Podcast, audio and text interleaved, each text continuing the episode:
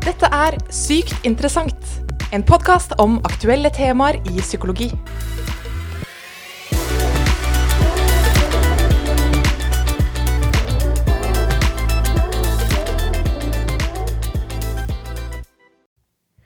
Hei og velkommen til sesongens og ikke minst årets første podkastepisode. Temaet for dagens episode er noe alle har, og dette påvirker både tankene våre og oppførselen vår. Uten dette så tror jeg verden hadde vært et tomt og kjedelig sted. Jeg snakker selvfølgelig om følelser, eller emosjoner som det heter på fagspråket. Og med meg for å prate om dette, så har jeg psykolog og høyskolelektor Silje Berg. Hei på deg. Hei på deg, Mette. Du, vi har jo laget nå en fast spalte for podkasten, nemlig Sykt personlig. Eh, og det er en spalte med tre faste spørsmål til episodens gjest. Og selv om vi produserer podkasten, så ingen av oss er jo egentlig gjest, så tenkte jeg å kjøre spalten på deg i dag for å teste den ut. Høres det greit ut? Det høres eh, veldig fint ut. Jeg er gjerne prøvekanin. All right. Første spørsmål. Eh, hva innen psykologi driver du med? Ja, altså Jeg er jo utdanna psykolog, og så jobber jeg som høyskolelektor på høyskolen her. Og da er det jo mye forskjellig med nettstudenter og podkast, og mye innenfor helsepsykologi og konsulterende psykologi. Og så eh, i tillegg til det så jobber jeg litt klinisk en ettermiddag i uka. Ja. Litt godt og blanda. Ja. Eh, hva ville du ikke klart deg uten? Åh, ja, for å svare veldig sånn enkelt og overfladisk, så tror jeg jeg går for eh, Pepsi Max. ja. Men det er jo greit. Ja. Eh, siste spørsmål omhandler dagens tema. Og det er da følelser. Så da lurer jeg på, hva føler du nå? Jeg føler meg ganske så glad. Det er liksom godt å være tilbake i podkaststudio, selv om det er på ganske solid avstand her vi sitter. Mm. Så er det liksom noe fint med å se en kollega i levende live, så det gjør meg glad. så godt å høre. I like måte.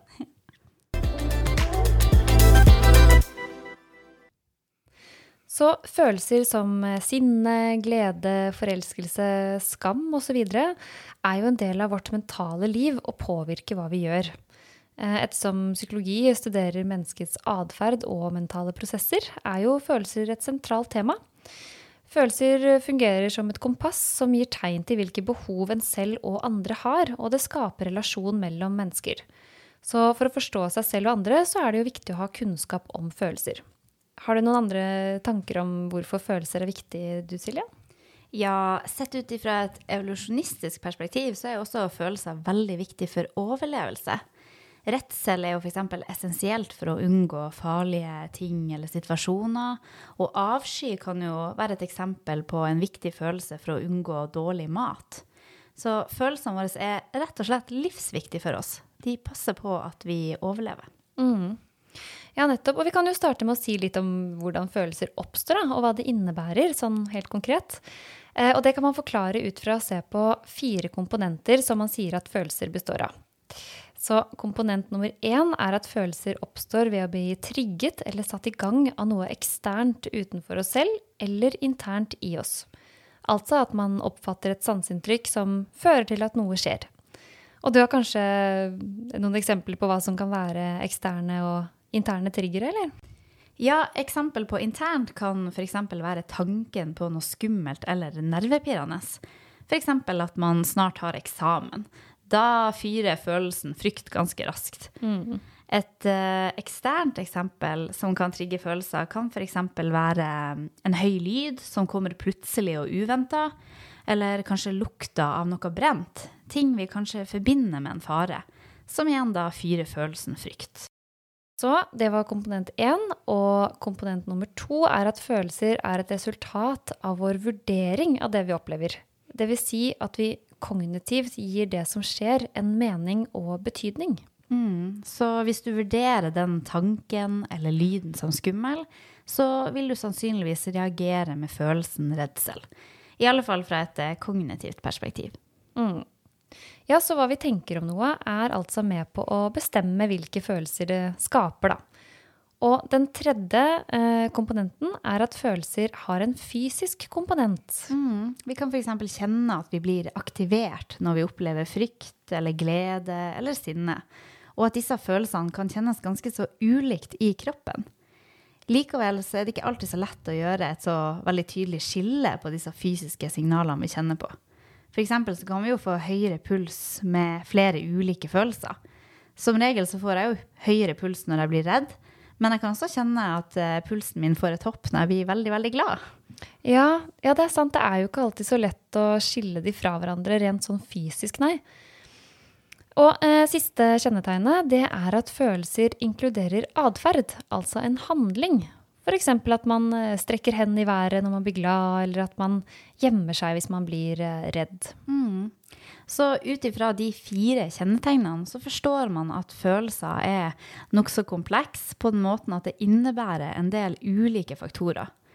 Og for å oppsummere så oppstår en følelse ved å bli trigga av noe, internt eller eksternt.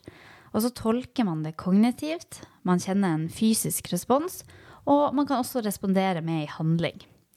Og studier viser at de fleste følelser er universelle, Altså at vi mennesker, uavhengig av kjønn, kultur og den verdensdelen vi er fra, vi har faktisk det samme følelsesrepertoaret.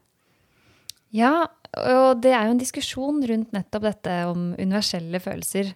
Hvorvidt det finnes grunnfølelser, og hvor mange vi egentlig har. Mm, ja, følelseslivet er veldig komplekst. Men samtidig så kan vi kanskje påstå at det er noe universelt og egentlig et felles globalt språk som på mange måter gjør at følelser er litt enkelt også. Det gjør jo at vi mennesker kan forstå hverandre.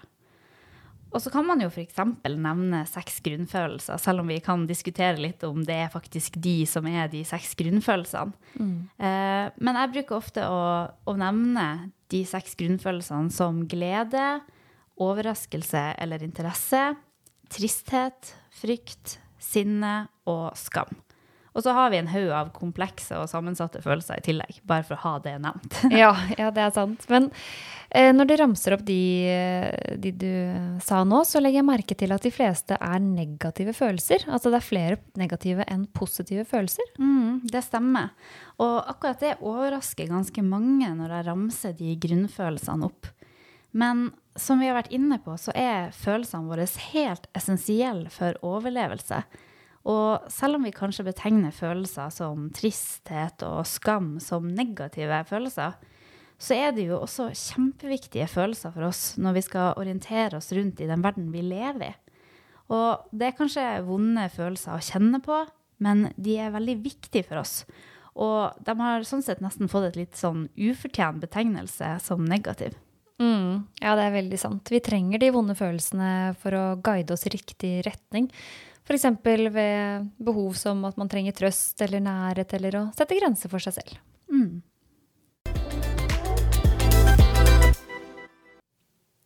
Det er jo store individuelle forskjeller på hvor hyppig og hvor sterkt vi opplever følelser, og hvordan vi uttrykker dem. Og her kommer vi jo kanskje litt inn på hvordan følelser kan være positivt eller negativt for oss. Og Mette, du har jo spesialisert deg innen utviklingspsykologi. Har du noen tanker om hva disse individuelle forskjellene i følelsene våre kommer av? Ja, for det er jo sånn at noen føler mer og uttrykker det sterkere enn eh, andre. Det har sikkert mange opplevd før. Og disse forskjellene her de kommer av to ting, nemlig arv og miljø. Så arv det er jo gener vi arver fra foreldrene våre, og miljøet er alt det som skjer rundt oss gjennom livet. Så arv påvirker følelser fordi vi blir født med et biologisk utgangspunkt som sier noe om hvor ofte og hvor sterkt vi reagerer følelsesmessig. Eh, det biologiske grunnlaget det kalles jo da temperament, og det er i stor grad arvelig. Noen barn blir født med lavt temperament, som vil si at man ikke reagerer så fort på ting og generelt er litt roligere. Mens andre barn er født med et høyere temperament, eh, som gjør at man da fort aktiveres. Og høyt temperament kan man se ved at barnet f.eks. gråter ofte, skvetter fort eller generelt har en sånn uro og føler seg litt sånn mer utrygge enn andre barn. Eh, så det er på en måte ikke så mye som skal til da, for å trigge følelser eh, for barn med høyt temperament. Mm. Så litt sånn mer sånn aktiv følelsesliv? Ja, de er, eh, det er det de er. Mm. Så det var jo det biologiske grunnlaget, men miljøet man vokser opp i, har også mye å si. Så miljø kan f.eks. være påvirkning fra familie og venner, barnehage, skole, ja, og samfunn og kultur man vokser opp i for øvrig. Så alt det som påvirker et barn direkte og indirekte gjennom hele livet. Eh, og det som er viktig, spesielt for barn med høyt temperament, det er å ha foreldre og andre voksne som hjelper dem med å håndtere denne følelsesaktiveringen. Eh, F.eks. ved å trøste dem når de er lei seg, avlede med en lek hvis de blir sinte, eller noe annet. Mm. Noe som roer ned barnet. Mm. Eh, så se for deg to barn med høyt temperament, hvor det ene barnet får hjelp fra miljøet når følelsene og aktiveringen blir veldig sterke, mens det andre barnet ikke får denne støtten fra f.eks. For foreldre. Da er det sannsynlig at barnet som ikke får hjelp når det kommer mye følelser, også fortsetter å være ekstra aktivert og kjenne mye og sterke følelser videre i livet. Og kanskje de heller ikke utvikler evnen til å håndtere følelsene sine. Mm. Mens barnet som får støtte og hjelp, vil kanskje heller da utvikle denne evnen og kanskje bli litt roligere ut ifra Selv om de fortsatt har et høyt eh, temperament. Så poenget er det er både arvelige faktorer og miljøfaktorer som ligger til grunn for, eh, for det følelseslivet man opplever og har, da. Ja, nettopp. Vi blir født med et utgangspunkt for grad og hyppighet av følelser. Men hvordan disse følelsene blir møtt og regulert av foreldre og miljøet rundt, det spiller også inn.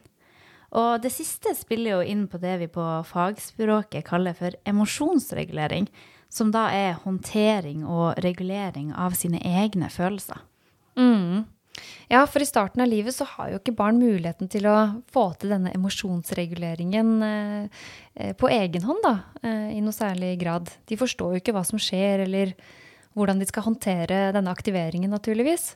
Så da trenger de hjelp fra en voksen. Og etter hvert som barnet utvikler seg og blir eldre, så vil det ved god utvikling kunne forstå sine egne følelser, sette navn på de, regulere de på egen hånd. Og det er jo det følelsesregulering i stor grad handler om. Ikke å kvitte seg med følelser, men håndtere de og uttrykke de på en akseptabel måte. Mm, og det er jo veldig viktig å utvikle nettopp denne evnen til å regulere følelsene sine. Fordi man kan f.eks. ikke som voksen begynne å gråte høylytt i butikken fordi samboeren din ikke vil ha sjokolade akkurat i dag. ikke sant? Man kan godt bli lei seg eller irritert eller skuffa, men i den sosiale verden som vi lever i, så er det veldig fint å kunne tilpasse måten vi uttrykker oss til de situasjonene vi er i. Ja, absolutt. Og, og, vi har jo ulike strategier og metoder for å bli kvitt eller roe ned da, når man først får en ubehagelig følelse. Eh, det kan jo f.eks. være å trene, snakke om det med en venn, avlede seg selv med å shoppe kanskje litt mye, se litt mye TV-serier. Eller ty til rusmidler, da, som også um, noen gjør. Eh, men det vil variere fra person til person. Mm. Så emosjonsregulering og strategiene vi bruker, de formes rett og slett fra vi er små. Men det er også viktig å poengtere at vi formes og påvirkes gjennom hele livet. Og at underveis vil også andre erfaringer og relasjoner som vi har med oss, kunne påvirke følelseslivet vårt, og da også evnen vår til å regulere følelsene våre. Mm. Så man er liksom ikke doomed, selv om man kanskje ikke har eh, mm. emosjonsreguleringen på topp. Eh. ja.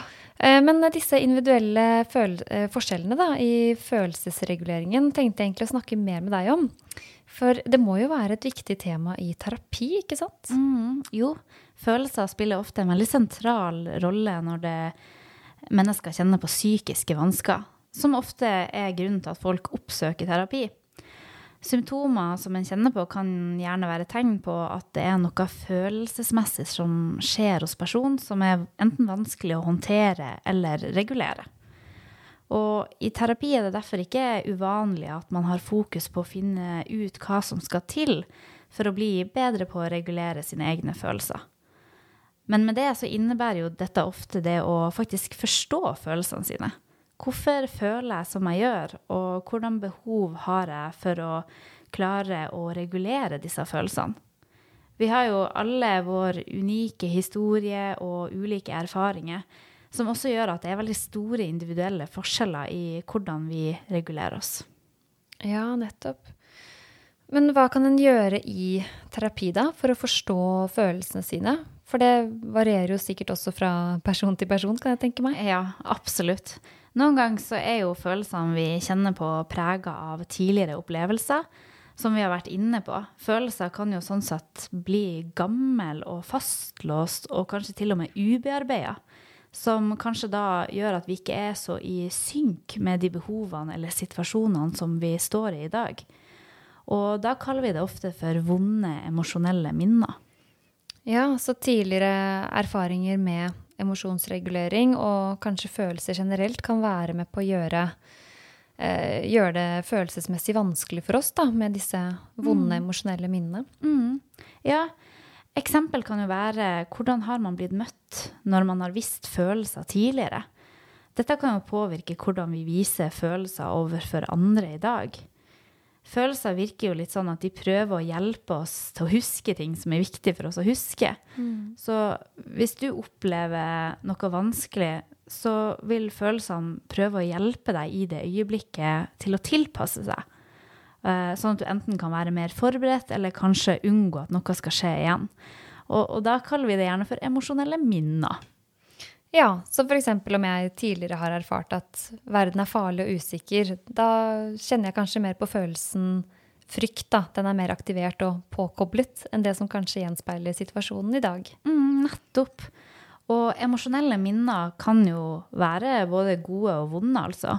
Men det er gjerne når de her vonde emosjonelle minnene eh, liksom er med oss i, i, dagens situasjon, at det kan være med å skape litt eh, trøbbel for oss. Mm.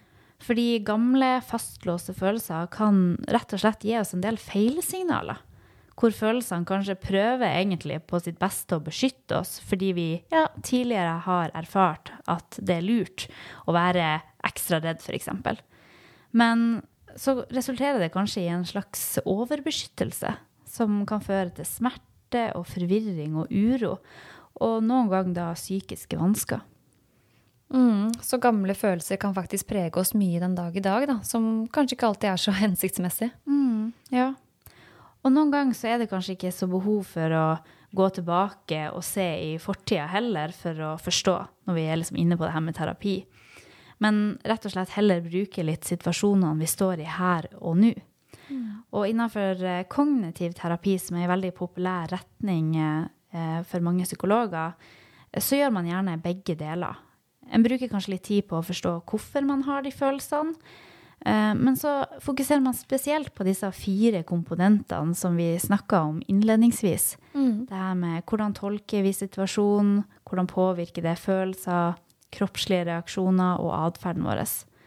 Og så ser man da gjerne på hvordan strategier har vi tidligere brukt, og videre utforske om det finnes noen mer sånn hensiktsmessige og alternative strategier for de situasjonene vi står i i dag.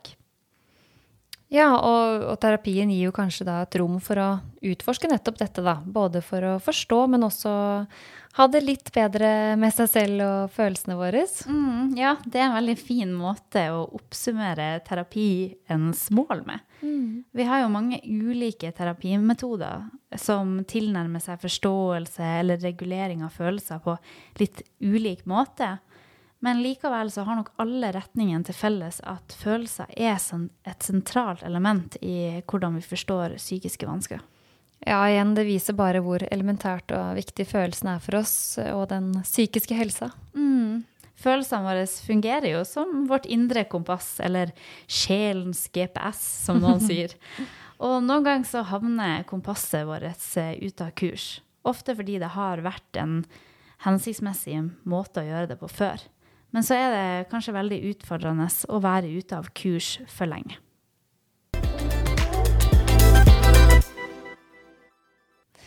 Vi kan nok alle kjenne på at eh, følelsene våre er litt ute av kurs fra tid til annen. Eh, men har du noen konkrete tips til hva man kan gjøre i situasjoner hvor man kjenner at følelsene tar litt overhånd?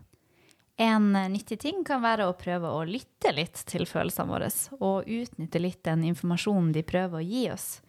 Vi går jo ofte litt på automatikk og godtar følelsene våre litt raskt innimellom. Mm. Så kanskje det å tillate seg sjøl å være nysgjerrig på egne følelser, både de som føles gode, og også de som føles vond.